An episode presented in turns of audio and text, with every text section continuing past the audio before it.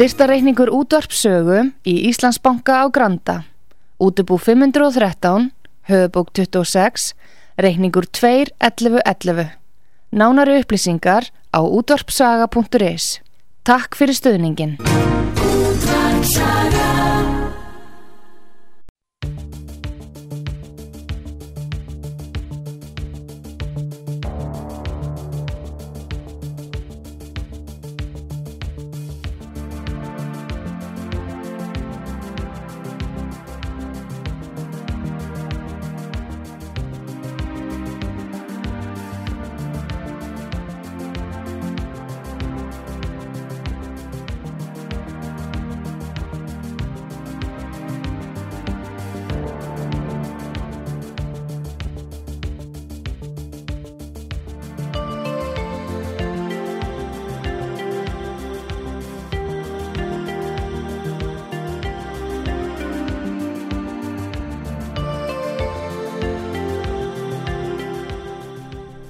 Komið sæli þetta Arnar Þór Jónsson og gestur minn í dag er Ólafur Ísleifsson, fyrirvönandi alþengismadur og doktor í Hagfræði. Og eh, umræðefni okkar Ólafs er eh, málefni líðandi stundar og við ætlum að fara vitt og breytt yfir það svona sem að uh, já, er efst á baui núna svona yfir hásumarið það er margt sem brennur Ólafi Ólafi tjáði með það þetta rétt á hann hann hefði komið sennilega hingað yfir já, vel yfir tvö, sagður, um 200 sinnum? Já, það, það hleypur á, á hundruðum skipta sem hund- já, ég hefur þannig að- gestur að svo stöð Nú bara skora ég á þig Ólafi minn að nýta tíman vel og koma með hérna einhverja bombur inn í hérna umræðuna og nýta tjáningafrelsið sem er svo dýrmætt. er dýrmætt. Því að einn mesta hættan sem stæðar okkar samfélagi í dag er, er það hvernig þrengt er að e, tjáningafrelsinu og hvernig e, fræðimenn fjölmiðlamenn og jafnvel stjórnmálamenn telja sig hafa höndla sannleikan þannig að það megi hvergi sko efast. Og þetta er, þetta er eitthvað sem að ja, við verðum að taka mjög alvarlega. Þetta er ógn og í þessu felst ákveðin allræðis hætta en við, við ég ætla hins vegar, ég veit ekki hvort þú vilt byrja á tjáningafrelsinu Nýjanda eða væri enda? á? bara ágætt að fara á nokkrum orðum um þetta fyrst þú- ert búin að nefna þetta sko. Já, Við vitum það alveg og að sko það er, er ekkert líðræði og það er engin mannetnindi ef ekki fyrir hendi tjáningafrelsi mm Tjáningafrelsið er hotsteinn þess líðræðslega samfélags sem við erum svo heppin að búa í. Og uh, sko mannréttindi eru bara orðin tóm og það eru engar varnir ef að ekki er tjáningarfrelsinu fyrir að fara. Ég bendi líka á það að það er til dæmis ímsir hópar minnir hlutahópar sem að hafa sótt sér réttindi sem okkur þykja núna al, alveg sjálf sögð en þetta eh, sko gerðu þeir auðvitað í krafti tjáningafrelsinsins og hefðu aldrei náð þessum árangri mm. ef ekki hefði verið tjáningafrelsinu fyrir að fara. Já, en nú er það samt þannig að Ímis svona, já, sko í rauninni eh, álitamál, bara samfélagslega álitamál og hérna, og af því að við erum nú að fjallum málumni líðandistundar, þau eru einhvern veginn, er búið að setja þau utan við almenna umræð, það má ekki ræða þau, það má til dæmis ekki ræða, ég veit ekki hvað þú stendur í því, það má til dæmis ekki ræða um bólusetningar á þess að vera útrópaður, það má ekki ræða um loftslagsmál á þess að vera brennimertu sem einhver hérna villtrúamaður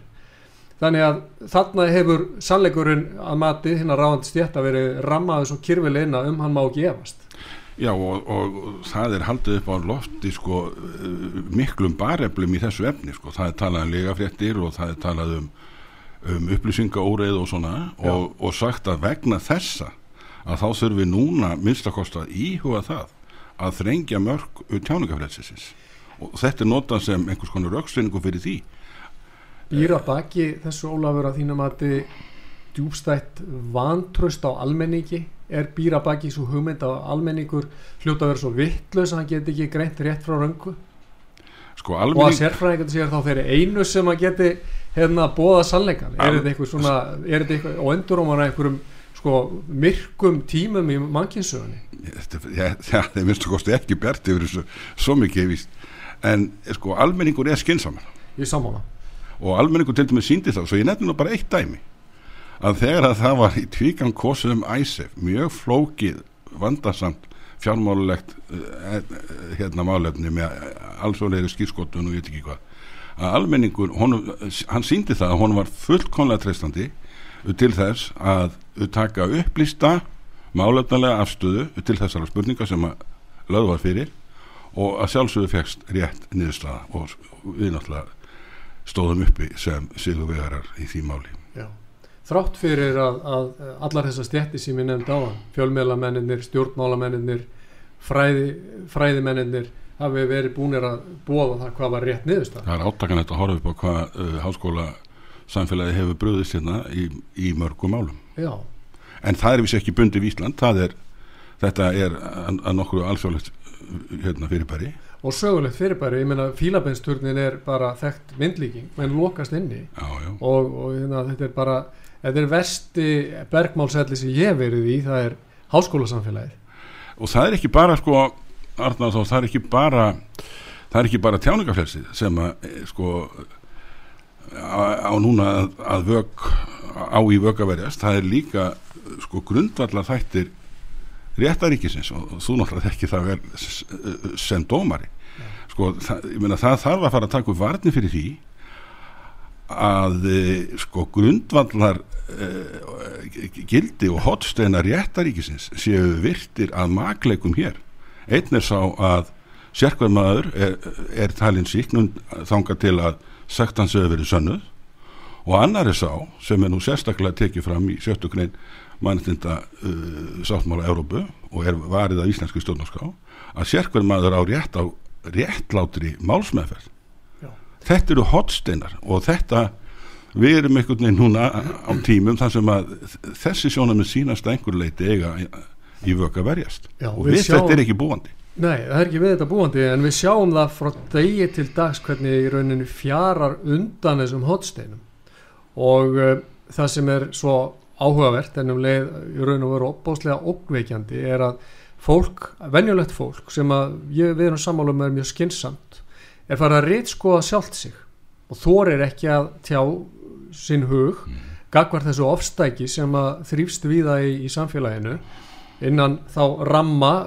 guldslegins ramma sannleikans eins og hann er settur fram eh, vandamálið er það Ólafur eins og ég sé þetta að ef að vennlegt fólk treystir sér ekki lengur til að koma þessum hotsteinum til varnar að þá stendur okk fyrir dyrum og eh, ég hef talað um það að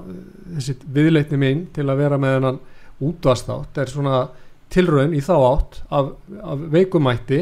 að koma þessum hotsteinum til varnar og ég hvet sem flesta sem úti er og hlusta og þú væntalega líka til að gera það sem í þeirra valdi stendur hvort sem það er í fjölskyldubóðum eða á fjersbókinni eða hvað það er að reyna að, að verja þessa umgjör sem þú ert tala um Ég veit ekki hvort að maður á að segja þetta þannig en það, sko, það er sko það eru þetta svona alls konar svona svifti vindir sem að fylgja hverjum tíma og, og það eru kannski margir sem að svona velta því fyrir sér hvort að þetta er ekki bara einhverjir vindar sem að kannski bara blási yfir. En það má ekki missa sjónar af því að þetta er mjög alvarlegt uh, svona hvað uh, annars vegar tjáningarfrelsið og hins vegar þessi grundar þættir réttaríkisins sínast uh, lítils metnir af sumum sem eru núna mjög áberandi og hávarir í íslenskri þjóðfélagsumræðu. Það sem er sjálfstætt uh, áhugjefni í þessu hlýtur að vera er að skólakerfið hefur sínist mér og ég þekki það nú bara einraun sem fóreldri og sem kennari hefur vanrægt sko áherslu á hennar sögulegu vít fólk er ekki lengur læst á bara hennar bara pólitísku þróin í sögulegu samhengi er ekki vel læst á það hvað er rétt og eðlileg samskipti valdhafa við borgarana og hver uppspretta valdsins er. Hún er hjá borgurunum, hún er ekki hjá klíkunni, hún er ekki hjá sérfræðingunum, uppspretta valdsins er hjá fólkinu sjálfu. Ná, þetta hefur verið viðtekið öldum saman. Nú er að þurka þetta út. Ef að þetta fer ekki að snúast við í skólakerfinu og í umræðunum inn á heimilunum og hér í fjölmilunum að þá erum við að horfa það að nýjar kynnslóður fólks sem að brátt verða komnir komnar í þessar stöðu sem við vorum að tala um aðan inn í fjölmiðlana, í fræðimannastöður og svo framvegs e, og inn í stjórnmálin e, sko, ég raun og veru veitist af enn meiri hörku að þessum, umgjörs réttaríkisins sem þú varst að tala um aðan bara sko niðurstaðan af þessum hluti okkar samtali held ég hljóta bara að vera svo að, að að eh, menn verða að halda vökusinni og kannski gott betur en það halda uppi e, öflugum og kröftugum vörnum fyrir þessi grundallar gildi og, og þessi grundallar sjónami sem að okkar samfélag er reist á og sem að þetta e, við viljum hafa. Við, við viljum búa í líðræðsíki við viljum búa við tjáningafrelsi og við viljum geta verið upprætti menn Sammála. En þá er eitt, þá, þá kemur að öðrum þætti í þessum, í þessum viðtali eða samtali okkar sem að einmitt er sko e, kannski hinn líðræðislegi þáttur og, og sagt ég hitti góðan félaga minn sem er nú nágræni minn, hann saðist að hafa hitt fyrir hann til forman eldri borgara og spurt hann að því okkur stopnar ekki stjórnmálaflokk um þetta hagsmannamál sem að svo stór hluti hérna, okkar þjóðar glýmir við bara í rauninni eh, bá kjör eftir að hættir að vinna kannski allt og snemma og ótímabær sem vart fólk neðist til að hætta að vinna.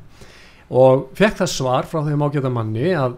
þó að hann var allur að vilja gerður að þá vantaði sko almennan vilja til að taka þátt í slíku starfi leggja eitthvað að mörgum og uh, láta til sín taka. Það verður svo þægilegt að bara hérna, uh, svona vera á hliðalínunni sko hver, ef að það er hvert er þitt mat á þessu? Sko, þetta, þú, þetta, þú hvetur fólk til líðræðislega þáttöku og svona. Möndur þú vera sammála þessu mati? Sko, já, sko það er þannig að e, það eru ímsi sem að hafa tekið upp e, sko baráttu fyrir málutnum eldri borgara, það er náttúrulega fyrsta lagi samtök eldri borgara, við þekkjum þau til dæmis eins og landsamband eldri borgara fjalla eldri borgara í Reykjavík og nágrenni og svo framvegis það eru eh, hérna dugmiklir baráttumenn sem að hafa verið eh, hérna óþreytandi í baráttu fyrir uh, málatum eldra fólks. Og það eru margi sem á þingi hafa uttekið upp þessi mál. En árangurinn, hann er bara verið að segja eins og ef við lítum yfir liðin ár hann er bara átakanlega lítill. Hér voru sett lög árið 2016 sem að eru að verulegu leiti missefnuð og einn af þessum fórustumönnum uh, sem ég var að vísa til í náðan er Rapp Magnússon sem hefur verið að benda það núna að undarferðnu að með lögunum 2016 að þá var slegið saman uh, grunnlíferi almannatrygginga og uh, tekjutryggingunni og uh, búin til nýr bótaflokkur þannig að, að uh, gagsæðið er ekki neitt uh, eins og sérstaklega varandi hérna, grunnlíferin líferin en það var sko óskráð grundallaregla að við honum mætti ekki hrópla og hann stóð hérna í áratögun saman og stóð af sér allar allugur og þær voru ymsar eh, og það var ekki fyrir með hruninu 2009 að hann var tímabundið eh, laðið til hér eða feldu niður. Og það var eh, þessi svo kallega norranna velferðarstjórn sem það gerði En það var þó bara tímabundið og hann var tekinu upp aftur grunnleifirinn, þar að segja allir nýttu ákveðins uh, grunnleifiris úr almannringum. Hann var tekinu upp aftur 2013 en síðan með þessum lögum 2016 og þá er hann feldu niður og hrann er að undistrykka þetta. Nú ég get nút að nefnt ímsa uh, sko, aðila aðra sem að hafa verið uh, hérna, alveg frábælega duglegir í, í þessari baróttu nefnu þetta Sigurðið Guðmusson, ég nefnu sér Haldur Gunnarsson í Holti sem að skrifaði heilan greinarklokkum í morgunblæði í allsverju löngu og svona mætti áfram telja. Nú er það eina sem hefur gerst í málunu, það er það að, að e, þessi að þetta svo kallega tekju við mið uh, almannatrýnga þar að segja hvað menn mega hafa mikla launatekjur áður en að bætur almannatrýnga taka skerðast, það var hækkaður 100.000 í 200 krónur og það er út af fyrir sig gott að blessa en samt er þetta svo lítil breyting að hún mælist allar nefnum undir smásjá. Mm -hmm. vegna þess að hún nær náttúrulega ekki til margra og hún rekkur skamt hún kostar ekki ekki neitt. Og uh, á meðan að þá stendur til dæmis tekið viðmjöðin vegna lífeyristekna þar að segja tekna úr lífeyrissjóðunum hún stendur í 35.000 krónu þú mátt hafa 30, fyrirgeðu 25.000 krónum, vildi ég sagt hafa 25.000 krónum að þú mátt hafa 25.000 kall út úr lífeyrissjóði áður en að, að, að að tekjur almanna trygginga fara að skerðast. Þetta er náttúrulega alg, í algjöru ósamræmi við þau grundvallarsónamið sem að lífeyriskerfið varist á eins og Hrald Magnússon er, hefur verið að benda á núna að undanfjörnum nú síðan er auðvitað fleiri þessu. Það er hérna löngsaga fyrir því að að hæ, árleg hækkun á, á greiðslum úr, úr almannartringum sem er ákveðin á vettvangi stjórnvalda og síðan lögðu fyrir alþingi til samþýttar að hún eh, fylgir ekki hinnu lögbóðuna eh, skilirði sem er það að, eh, að hún fylgir vísitölu vísitölu neysluverðs og hún er alltaf undir í þriðalega þá til dæmis uh, personufrádrátturinn hann fylgir ekki vísitölu og þetta þýðir náttúrulega á, á mæltu máli þetta þýðir náttúrulega eins og til dæmis með hérna, personufrádrátturinn það þýðir bara skattahækkun ef hann fylgir ekki vísitölu ef hann fylgir ekki launathróun og þessi þessi framkvæmt uh, gagvart uh, hækkunum einu svona ári á, á greiðslum úr albanatringum að hún alltaf næri engri átvæknast að þarna er gengið þvert í báa við gildandi lagafyrirmæli í 69. grein laga um almanatringar þannig að þarna er auðvitað mörg að higgja En þetta segja, Ólafur, að það sé ekki bara að það sé í rauninni verið að ganga í báa við þær fórsendur sem lágu til grundu alveg því að fólk gritti hérna, í þessu sjóði? Ég meina væri þetta að ganga svo langt? Já, það er, maður mista kosti það maður mista kosti ræða það á þeim nótum. Það má svo sannlega gera það. Ég sko vildi kannski nefna sömulegis í þessu samingi að að hérna að það er umhersunöfni sko hvernig verkefnisreifingin beiti sér í, í fjárasmálefnum eldra fólks. Nú er það þannig að þeir sem eru einn góðan við þetta orðir það sem heitir eldri eða heldri borgara eftir hvernig menn vilja orða það að, að sko þorðin að þessu fólki eru fyrirverandi félagsmenn í stjættafélugum á vinnumarkaði og eru búin að, að greiða til þessara stjættafélaga áratugum saman. Og við sáum það til dæmis að þeirra lífskjæra sanningarna voru gerði hérna ári að þá var samið um svo kallar uh, lífskjæra bætur en það var ekki gerður sá áskilnaður af hálfu verkefælisreiningarinnar að, að eldra fólk nýtti uh, þessara greifna og uh, maður veldi því fyrir sér sko, þú nefndir samtal við aðila sem að var að tala um að, að eldri borgar að stóknur með sér stjórnmálhefingur ég hef ekki mikla trú á því að það sé að safna fólki saman í, á stjórnmálavettangi utanum svona afmarkað mál. Þetta er þetta mjög þýðingamikið mikilvægt mál. En uh, maður spyr sig sko um atbeina verkefælisreiningurinnar og ég leiði mér að vona að verkefælisreyningin uh, beiti sér í auknumæli uh, í þáu sinna fyrrum félagsmanna í sínum stjættafélagum Þú valdi að tala um það að það sé allir jafni fyrir lögunum og þá má ekki hverki orðin að halla í garð eins eða neins. En uh, má skilja þessi orði í nólafur þannig að þú teljir að, að uh, eldri borgarar séu í okkar samfélagi látni sitja skur lægra þegar kemur að bara sjálfsögur réttindamálum?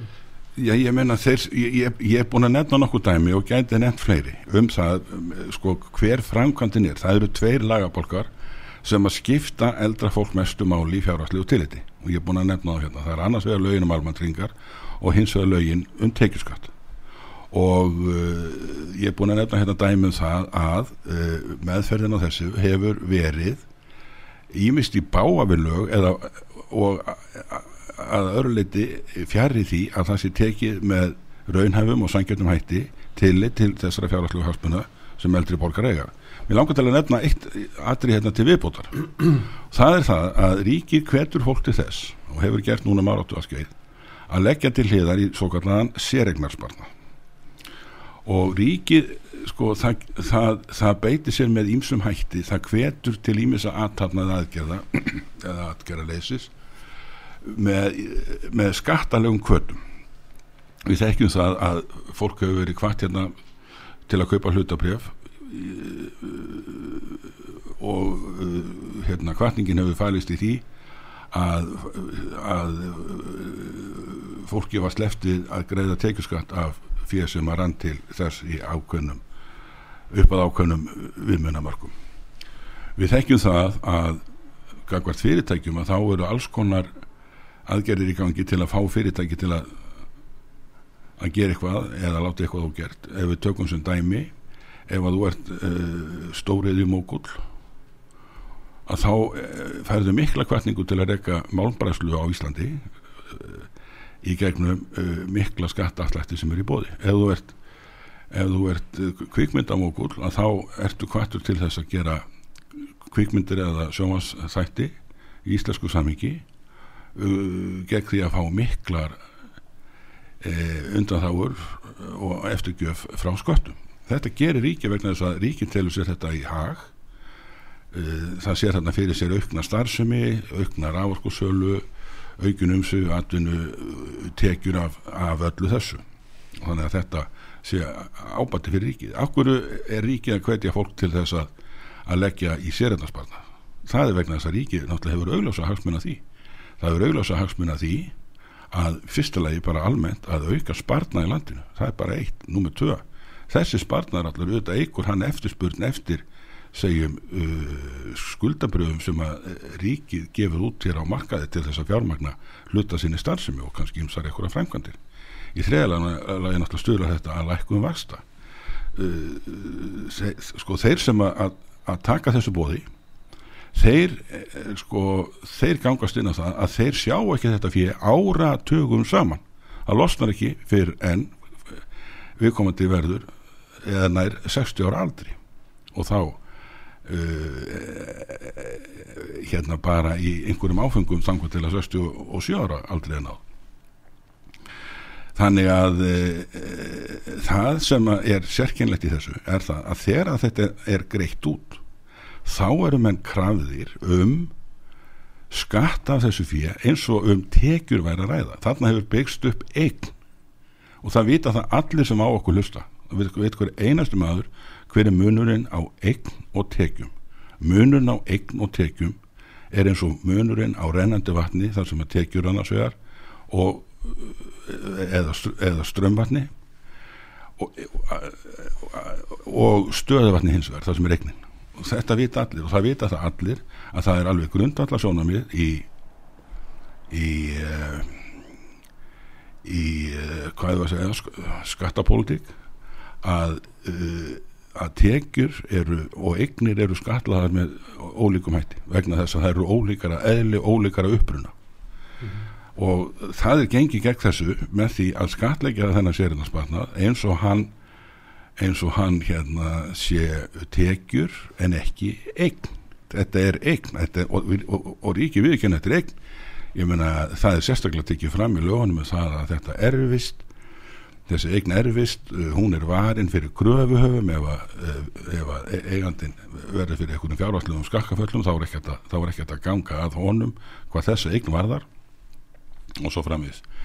þannig að þetta er mjög sérkynlegt og þetta er eh, bara væg að sagt ránglátt líka vegna þess að að eh, að grundvallar atriði sem er nú lögvarið í stónaskrá sem er jafnbræðisreglan hún er náttúrulega brotinn sko, menn geta lengt með þessa eign í þremur mismunandi skattrefum eftir því hvernig menn eru stattir í færaslegu tiliti við þekkjum það, það eru þrjú þref í uh, tekjuskattunum, það er 31,5 það er 38 og 46 og hvart þannig að, byrju hver er jafnbræðisreglan þessu, síðan hefur það verið tekið upp vegna vanda í húsnæðismálum að e, fólki hefur verið heimila að leggja hluta þessu inn í inn í kaup á íbúarhúsnaði að ákveðnum skilurum uppfylltum og einan ákveðna fjárhæðamarka og borgar þá engan skatt. Þannig að, það, þannig að, þannig að menn geta lendi í, í fjórum hérna í fernskonar aðstæðum hvað þetta varðar. Og ég leiði mig nú bara að spyrja er það þannig að jafnbæðisreglan á hún bara gilda stundum eða, eða er, er hún ekki eins og algild eins og maður hér hún ætti að vera? Þannig að þetta er þetta atrið sem að sem að auðvitað kallar á, á það að, að, að þetta verði fært til eh, réttlátara hors Má, því að þú nú, sem ég sagði aðan, doktor í hagfræði, má ég spurja þig að spurningu sem að, ég veit hvort þú getur svarað, en því við erum að tala um eldra fólkið sem að hefur þá sumt hvert verið að borga skatta kannski 60 ár. Ef þú horfir yfir þróunina, og við horfum bara yfir líðveldistímabili til dæmis og þú ert nú búin að geta greitt það með þín hagfræði augum, er þróunin öll í þá átt að skattheimta hefur þá aukist? Og höft á, á sjálfsafla fyrir fólks hafa, hafa vaksið með, með þessum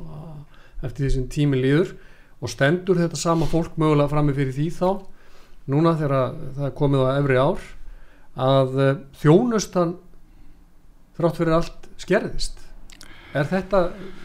væri þetta einhver viðlind til að lýsa? Já, sko, um þetta mætti náttúrulega hafa, hafa náttúrulega langmál en við náttúrulega við sjáum það að sko umsvið ríkisins hafa náttúrulega færst mjög vöxt á undanfjöndum árum. Já, hvað verður um alla þessa pening og- það er grundu alla spurning Já, já, það er grundvallar spurning og ég meina að það er auðvitað að hafa vaksið mjög mikið kröfur um þjónustu ímsa af hálfu ríkisins og auðvitað verður þessi þjónustu ekki veitt nema að að, e, að fjár sér afla til hennar. En síðan er spurningin er alltaf þessi klassiska spurning e, hvernig á að forgansráða því fyrir sem að ríkið hefur til umráða umráða e, til þess að veita þjónustu eins og er kallað eftir en, en, síðan er alls konar fyrir ekki, ég ætla að bara ljúka. Síðan hefur ríkið náttúrulega færið á stað með alls konar alls konar verkefni eh, til dæmis hafa nú sömur gaggrínt það að, að hér sé komin óhóflega eh, mikill eftirlitsiðnaður nú það eru hérna til dæmis eh, alls konar hlutir sem að eru að- auðvitað mjög serkinlegir það kannski eh, það kannski skiptur ekki öllu um, um ríkisbúskapin en við erum komin hérna með, með stjórnmálaflokka á ríkisframfæri við erum komin hérna með einhverja fjölmiðla jafnvel einhverja eh, einhverja miðla sem að myndu ekki ekki kallast eiginlega fjölmiðla heldur svona, svona skoðana síður eða eitthvað svona Já. á, á, á alnetinu. Þannig að maður spyr sér sko er þetta ekki svolítið svona, svona fránslega umgengni um ofinbært fjö Sko, ég, ég, þe- þessi, þessi fáfundu sem ég seti á fjárlaganemnd hérna á, á þinginu að sko mér krossbrá að sjá af kvílíku sko já kvílíkri óskamfeilni ef ég má nota það orð Já. fér auðsið úr þessum sjóðum almanna sjóðum. Bara, veist, þetta örlæti á ekkert skilt við þetta á ekkert skilt við örlæti ef þú ert að móku sjóðum annara það er eitthvað allt annar ef þú verður að borga úr eigin vasa, það væri örlæti. En að sjá bara hvernig þið móka og móka og móka út úr þessum sjóðum. Á þess að spurja endilega hvernig þið farið með þetta það er doldið sjokkar Já, líktu bara, líktu bara á stjórnmálaflokkana sko. Fyrsta lagi sem er orðna ríkistofnanir sem er orðna ríkistofnanir og, og hugsaði þér til dæmis eins og fjölmiðla sem að eru eins og það orðað á spena ríkisins ég þe- þeir eiga að vera fjóruða valdi, þeir eiga að halda uppi hérna auðvitað gaggrinni sem þið gera ekki. Vistu það að, að hérna sko gagvar stjórnmálaflokkum það eru engar kröfur gerðar hvorki um form nýja efni. Það er rekið hérna árvekni átak á Íslandi þar sem að þú mátt ekki fara út fyrir ramma sem er búið að skilgreina samfélagsmiðla hérna, fyrirtæki nummer eitt sem er Facebook já, í samræmi við yfirvöld og stærstu fjölmjörn þetta er allt bara í góðu bróðurni virðist vera. Vistu en það? sannleiksleitin hú- hún er orðin aukaðatrið aðhaldið er orðin aukaðatrið sko, í- sko þessi fjárlega liðir framlötu stjórnmálaflokka og framlötu fjölmiðla þeir ættu bara að vera null. En síðan er þetta skilt að segja það að, að sko fjölmiðlunum er náttúrulega vorkun að því leitinni til að þeim er gert mjög erfitt að starfa uh, vegna þess hva, að það er þessi þessi rosalegi fílana í, í, í posturinsbúðinni sem að náttúrulega hrifsa til sín alveg gífurlega stóran part af öllusingamarkaðanum og þá er ég auðvitað að tala um ríkisúttarpið mm -hmm. þannig að, að, að það er ójæmt gefið en í staðin fyrir að ráðast að rótvandans uh, sem að er uh, ójöfn sangjörni staða fjölmiðla á öllusingamarkaði hérna að þá er reynd að bæta fyrir það með þessum hætti. En þetta er alveg óframbarileg leið sko til þess að, að bæta úr skák. Það þarf að ráðast að rótvandans ég skil ekki okkur þú ert ekki ennþá á þingjóla þú, þú ert svo skinsamur ég ætla hérna, að gera smá hlið núna og svo höldum við áfram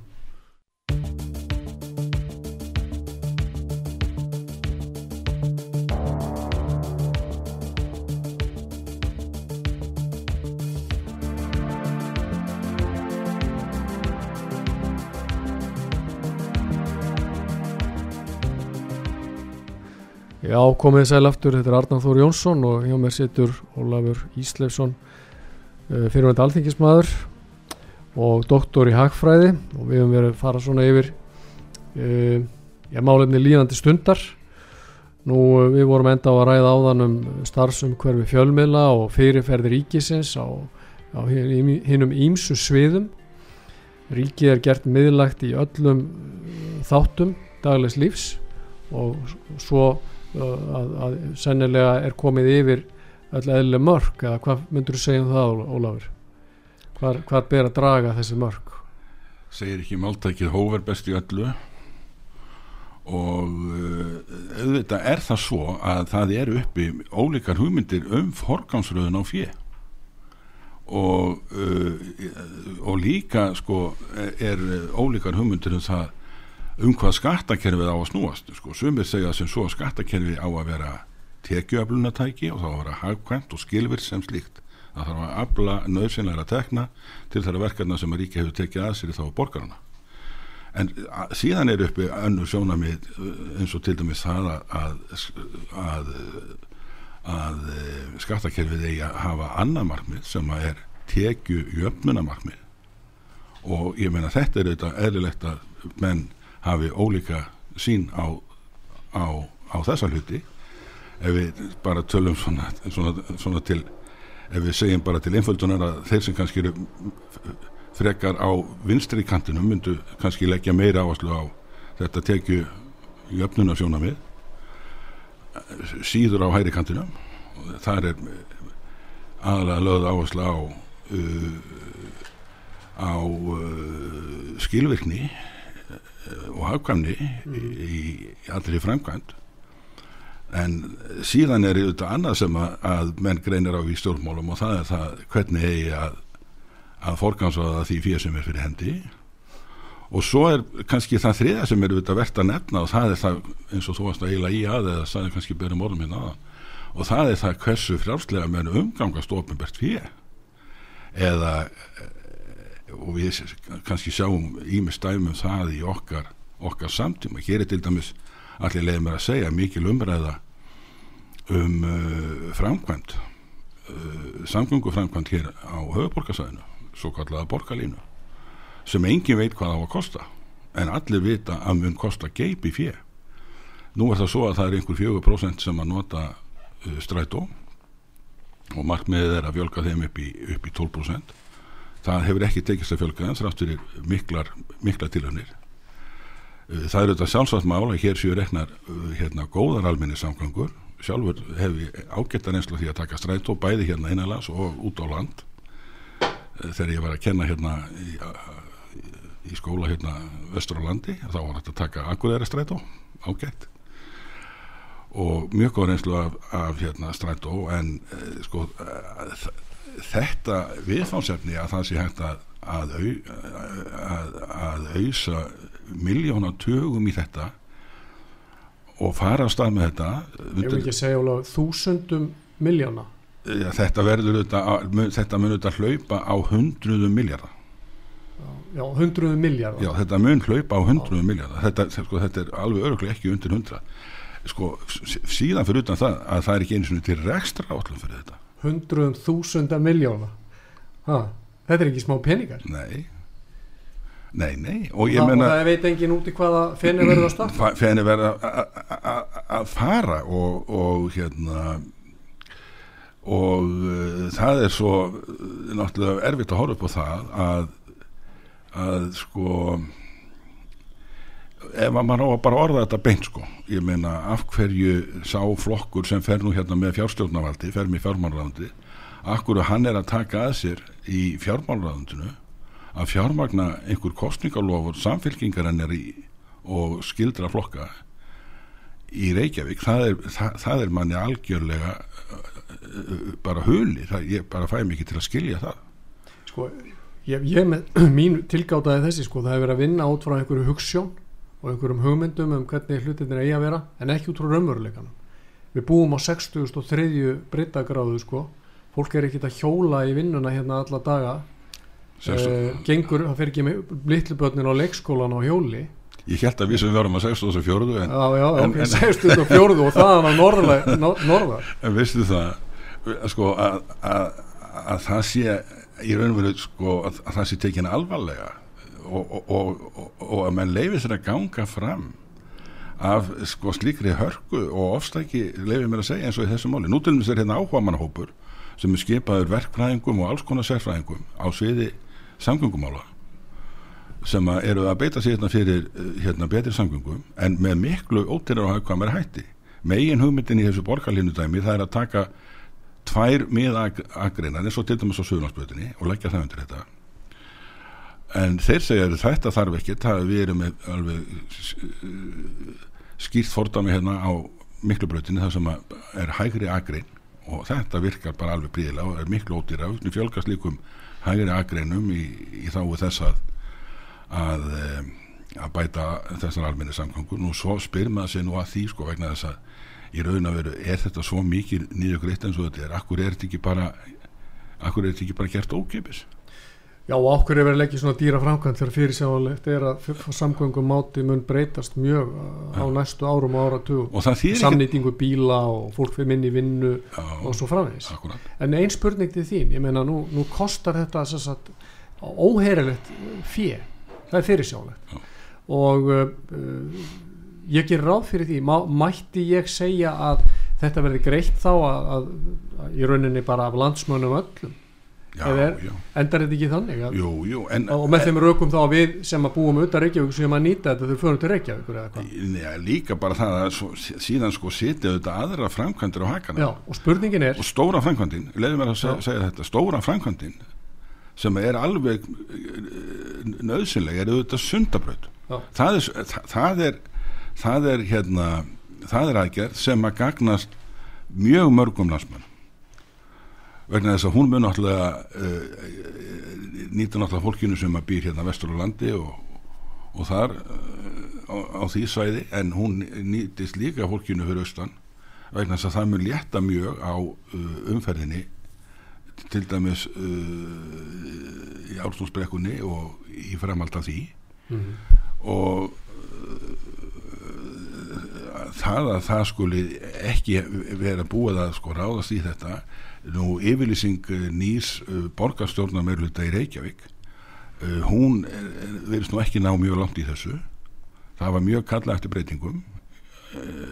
þar á meðal verður að skilja það svo að það verður að kalla eftir breyttum áherslum í samgöngumálum sem eru þetta þýðingumestu málum í hverju sveitafélagi og þá kemur þessi bara þessi mjóróma eh, setning hana um það að ég,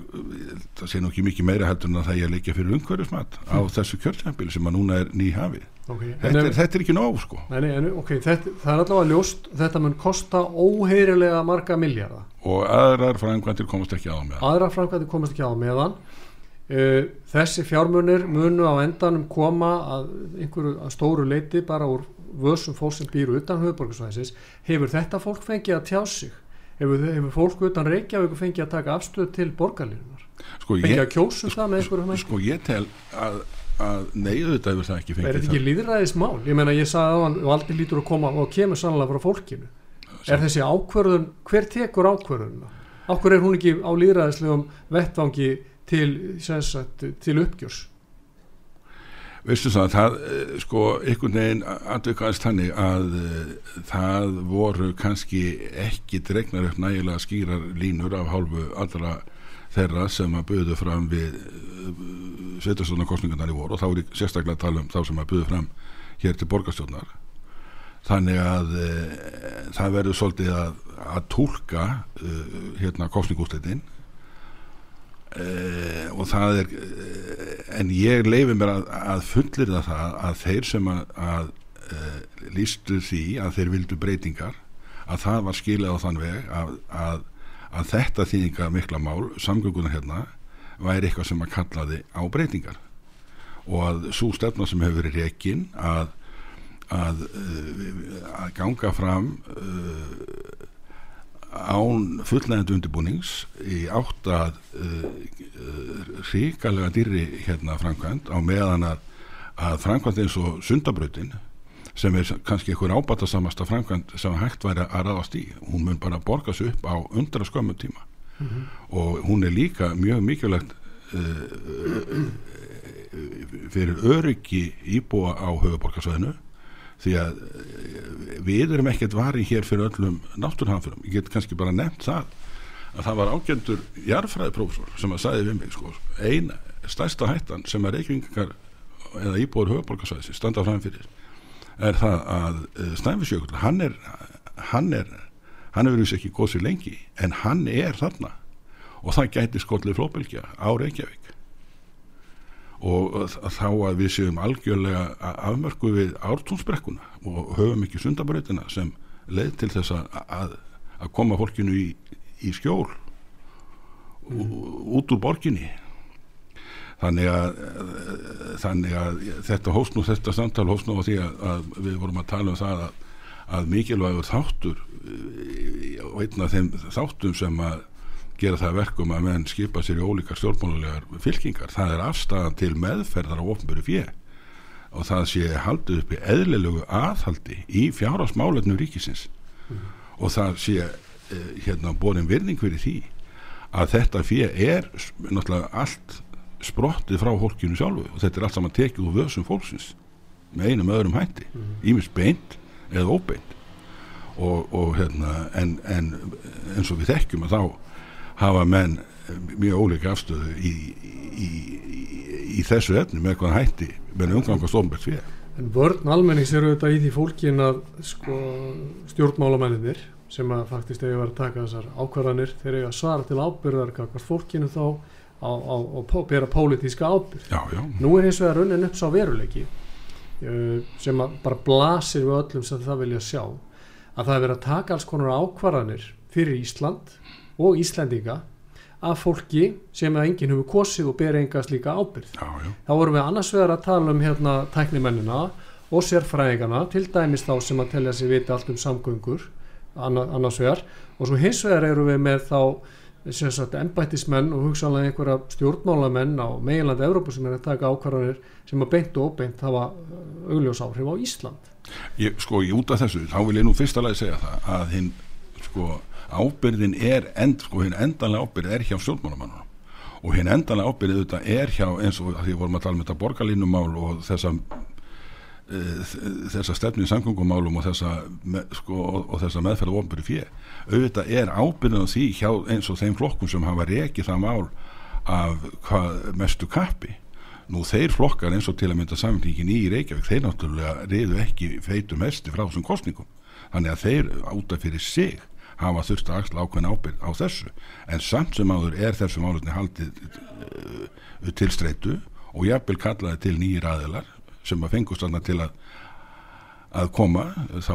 náttúrulega framsunarflokkurinn að þessu, að þessu borði án þess að séð verði að það séu treyðar neinar breytingar sem máli skipta í þessu mikilvæga máli og þessu uh, já kannski stærsta máli á vettóki borgarinnar á já nú um stundir Leð mér að spyrja það einu Ólafur því þú ert nú búin að semst, þú hefur reynslu af því að vera inn á þinginu og umgangast bæði þá stjórnmálumenn og embætismenn Já. og við vorum að tala um áðan að stjórnmálaflokkarnir er raunin það er búið að breyta inn í ríkistofnanir í, í, í vissu tilliti í vissu tilliti, eru komnir á framfæri ríkisins. Já. og hérna spurningin sem ég ætla að spyrja það er þessi getur verið að hluti af þeim vanda sem við, við, við sjáum raungerast til dæmis í borgarlínumáli og mörgum öðrum málum getur verið að hluti skýringarna sem sá að stjórnmálamenn eru farin að líta á sig fremur sem einhvers konar embætismenn heldur en sem hérna, uh, líra þess að kjörna fulltrúa sem er að svara til ábyrðar getur verið að þessi hættir að gera greinamenn á sér og embættismannunum og sérfræðingur sem þeir eru að vinna með frá degið til dags. Það er sko eitt af því sem er mjög ábyrgandi þegar það kemur að fjármálum ríkisins það er það hvað öll umfjöldunum þau er í raun og veru ógagsæ mm -hmm. ég nefnir bara svona sem lítið dæmi sko hérna fjárlega frumvarpið og allt þetta mikla efni sem er lagt fram á hálfu stjórnvalda hérna. Þetta er til dæmis með tveimur ólíkum reikningsskilastöðlum og ég meina vennlegt fólk er ekki sérfræðingar í, í, í reikningsskila í reikningsskilum, hvað þá ólíkum reikningsskilastöðlum? Þetta er allt mjög ógagsætt og mjög erfitt fyrir aðra heldunum þá sem að eru hafa mikla reynslu og mikla þekkingu sko til átt að sjá því hvað er hérna raunverulega að gerast. Þannig að e, ég hefði haldið að það væri eðlekrafa af hálfu þeirra sem eru kjörnir á þing að allt það efni sem er, er lagt fram með þetta sé miklu skýrara og, og gagsæra og að það sé betra átt að sjá því. En sko því að þú varst líka að tala um þessa ókjörnu aðila eins og vettan gjör upp á sambansins og ég menna að lýra að hallin þar er náttúrulega alveg geigvanlegur og, og því er stjórnað fólki eins og þú segir sem hefur ekkert pólitist umbóð, ekki neitt og hefur engan skilning á aðstæðum til dæmis fjarlæra þjóðanir og Íslands? Ég maður spyrsi hvað, hvaða skilning ætti þetta fólk að hafa hér? Hitt er annað að sko ég hérna ef ég má vitna til eigin einslu og ég læði fram og fekk samþetta nokkru sinnum skýslubeini um kosti og galla aðildan okkar að euróska efnaðsvæðinu og það var skilaskíslu og ég ætla sísta að halla orði á þá skíslu, hún er ágætt svo langt sem hún er en það bara var því miður sá ákalli að auðvitaðingisáþrann sem þá var hann læði fyrir uh, starfsópin uh, erindisbreyð þar sem að var uh, þar sem hún var falið að skrifa skíslu um ávinning eða af aðelda Európa-sambandinu, þegar Európska efnaðsvæðinu en það er bara það er bara, hérna, það er bara hluti málsins.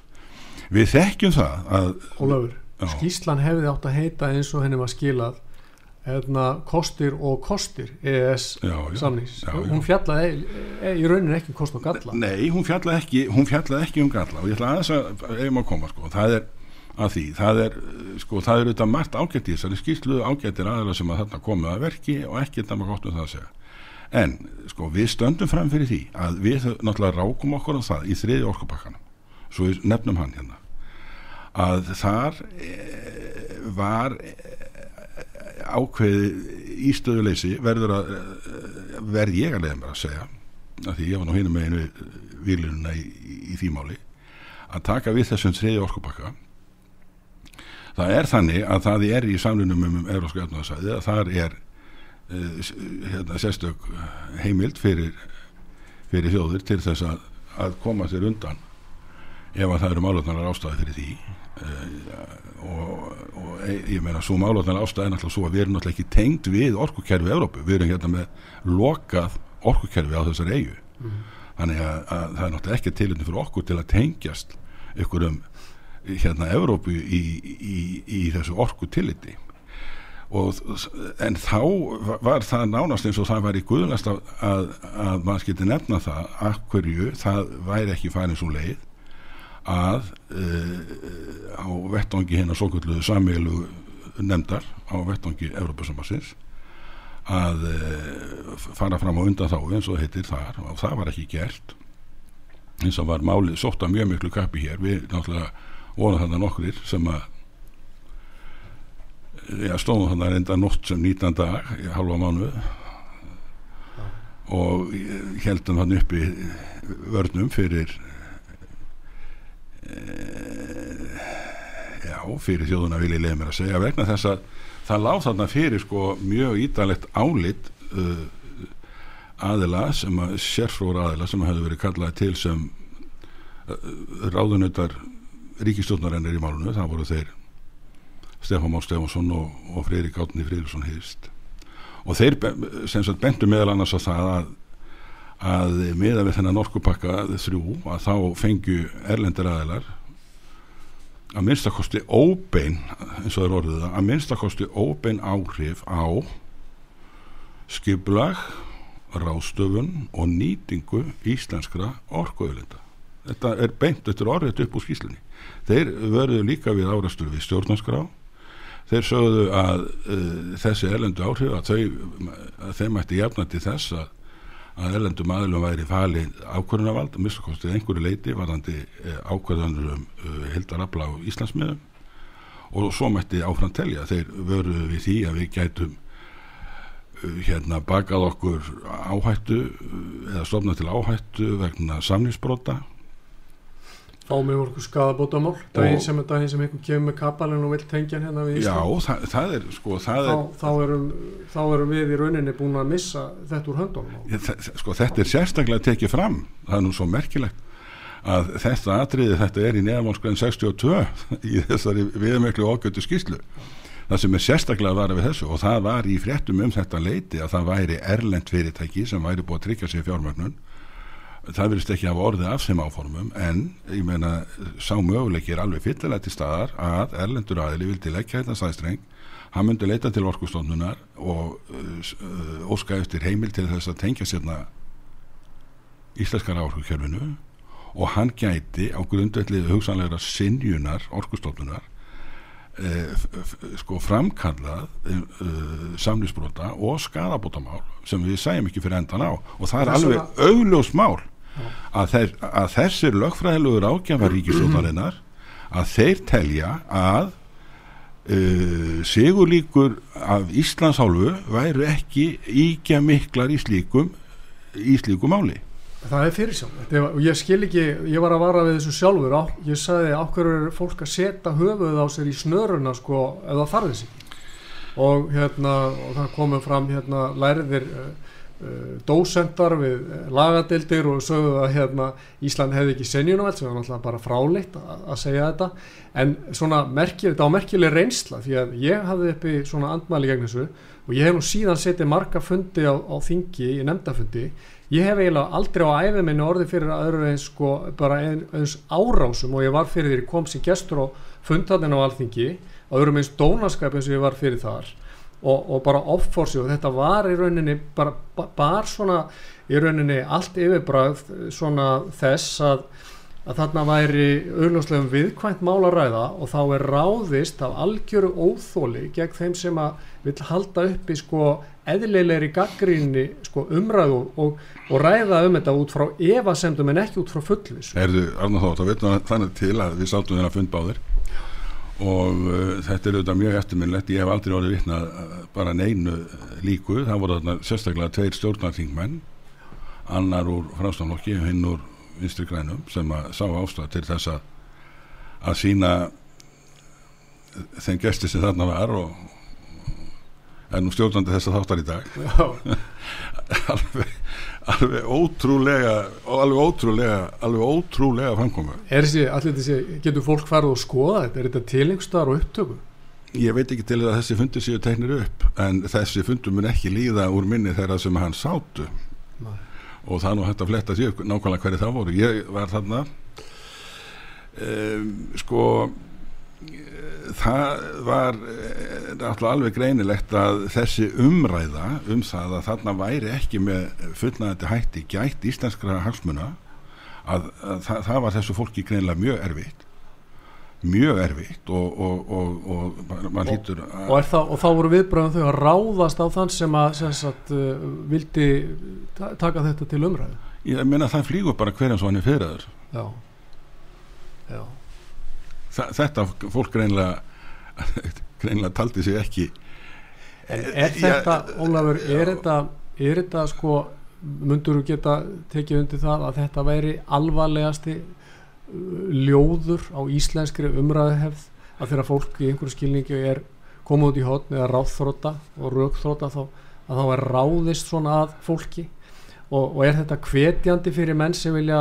ve- vera þáttakandur í ofinböru umræð vilja kannski koma að sjóna með þeim eða jafnvel leiðrétt eitthvað sem er algjörlega bjagað í umræðinu við vitum það báðir að hérna, það er náttúrulega svona ímsum sem hafa svona tekið upp þann hátt að, að vegna þess að þeir telja sig vera e, hérna þinglista eigendur sko, eða þinglista handhafa og eigendur sannleik, hérna, sannleikans að eh, þeir leifa sér svona framkoma þessu tægi og á ímsum sviðum og, og, og er náttúrulega með öll þessi barefli á, á lofti. Þeir kalla anstæðinga sína ónefnum, kalla á populista kalla á þeir séu með með hérna legar þeir segja þeir séu með upplýsingóreið og annað að þessu tægi þannig að e, þetta er bara einhver umræðaháttur sem að hefur því miður svona russið svolítið til rúmsetna og meira heldur en góðu hófi gegnir. Já. Ég vil kannski þá bara svona rétt í lokin Ólafur ef að ég má svona draga þetta saman. Byggja sko hlustendur um að velta fyrir sér einmitt hugtækinu populisma sem er svona mikið notað í almennur umræðu sko getur verið að, að í raun og veru sá sem að þá myndi vera talsmaður þess að uh, þessi gætt almanahagsmuna sem minnir á það að valdi kemur frá almenningi sem minnir á það að, að, að sagt, almenningur eigi og fjölmiðlar að veita stjórnmálamönnum og ráðandi öflum aðhald að hann sé þá populisti. Og ef það er þannig þá er það að vera populisti kannski ekki svo slæmt sko slæm lýsing? Mér finnst þetta nánast sko broslegt að það eru hérna, sérstaklega nokkri svona, svona háskólamenn sem að hérna, telja sér vera sérfæðing í þessu og, og vera svona telja sér það heimilt að að vera með eitthvað svona, svona brenni merkingar á hólki sem að þeim líkar ekki. En bara til að bæta við einni andúasendum þetta sem vorum að tala um Európa-sambandi sko, það er þarna grundvallar andriði og þeir hafa líst því, þeir sem að bera mesta pólitíska ábyrg á aðeld okkar að eroskapnaðsæðinu þáarandi fórsýtsráþara og þáarandi undaríksráþara Davíð Ótsson og Jón Baldur Hannibalsson þeir hafa báðir líst því ídrekað og með mjög skýrum orðum að það hefur verið algjör grundvallar fórsenda fyrir þessari aðild af uh, hálfu íslenskra ríkistofnar og íslenskra stofnald á þessum tíma og þingmennur þetta að uh, þetta ákvæði um uh, að það væri hægt að fá hérna undanþáu Neituna, við hefum neitunavald Já, sumir kallaða neitunavald Já, okay. já, kunnu kallaða neitunavald eða þú vilt. Að, að það væri virt Ég staðfisti það, ég tók við á við, báða, viðtala við á báða um þetta og byrti sérst, þessi umæliðar að begja í þjóðmálum. En að sko allir sem geta hafa áhuga á því geta lesið það. Þetta er mikilvæg söguleg heimild. Bæði Davíð Ótsson og Jón Baldvin Hallenbalsson staðfestu þetta. Þannig að já, það að það gerist sérst þarna á árunnu 2018 eða hvenar þetta var, mm. að það er, því er fleikt á loft að við höfum ekki sinjunavald það er í raun og veru svo mikil, mikil öfumæli mm. og afbökun á öllu því sem lág til fórs til grundvallar þessari samningsgerð að, að þarna það má ekki láta slíkt andmæla löst ég, ég bara segja Rólafur þetta er ástæðan fyrir því að ég er rauninni hægt, sérstænt fór út á þessa vekkferð að vera hérna út á hennar málmenna vettfangi ég, ég bara áttæði máið þannig bara verið að, að afbaka sko staðrindir ég segi við þig þetta er ærið tilhætni og, og hérna, en menna, þegar við stóðum frammi fyrir því að við stóðum, vorum með lögfræði álit, sko, ekki frá einhverjum pólitískum anstæðingum, heldur frá lögfræðilegum ráðunendum ríkistóknarinnar þeir segja og þeir skrifa þarna er, með þessu eru erlendum aðilum gefin eða, eða veitt að minnstakosti óbein áhrif á skipulag uh, ráðstöfun og hagnýtingu uh, hérna, íslenskana orkuöflenda og, og þá kemur fólk þannig nýra á þingi og segir þetta er nú meira byllið þessum mönnum. Já. þetta er bara um hérna aukna neytendavend og, og aukna samkeppni og eitthvað. Fyrir ekki að tala um upplýsinga óreðu upplýsinga óreðu sko í bóði í bóði þessara aðila. þessara aðila. Já, og, og að ég, ég er að segja bara, í, bara til að fólk setja þetta í samhengi. Á, núna þegar það rennur upp í rauninni sá tími með haustun að verður alveg ofbóðslegur orkuskortur í Evrópu Já. þá munum menn horfa löngunar augum meðal annars til Íslands Já. og sjá fyrir leita leiða til að tengja Ísland við þetta orku þurfandi samfélag á meilandi þá geta menn bara getur fyrir að stittast í það að menn þurfu fara að svara alvarlega til ábyrða fyrir það sem var sagt. Auð... og þú ert þá sem betur fyrir þín vegna ekki röngu megin í þeirri umræðu. Nei, ég var algjör, algjörlega réttu meina þeirri umræðu. Ég meina ég auðvitað, ég auðvitað gjör þekkti e, þetta álit þessara löffræðilegu hérna ráðnöta og uh, það, meina, það var bara ærið, ærið tilhætni til þess að fara mjög hardt á mótið þessu máli. Algjörlega. Ólafur, tímin er útrunnin en ég er þakkláttu fyrir að koma og ég þakka þeim sem hlýtu þetta er um við lókið Þakka þér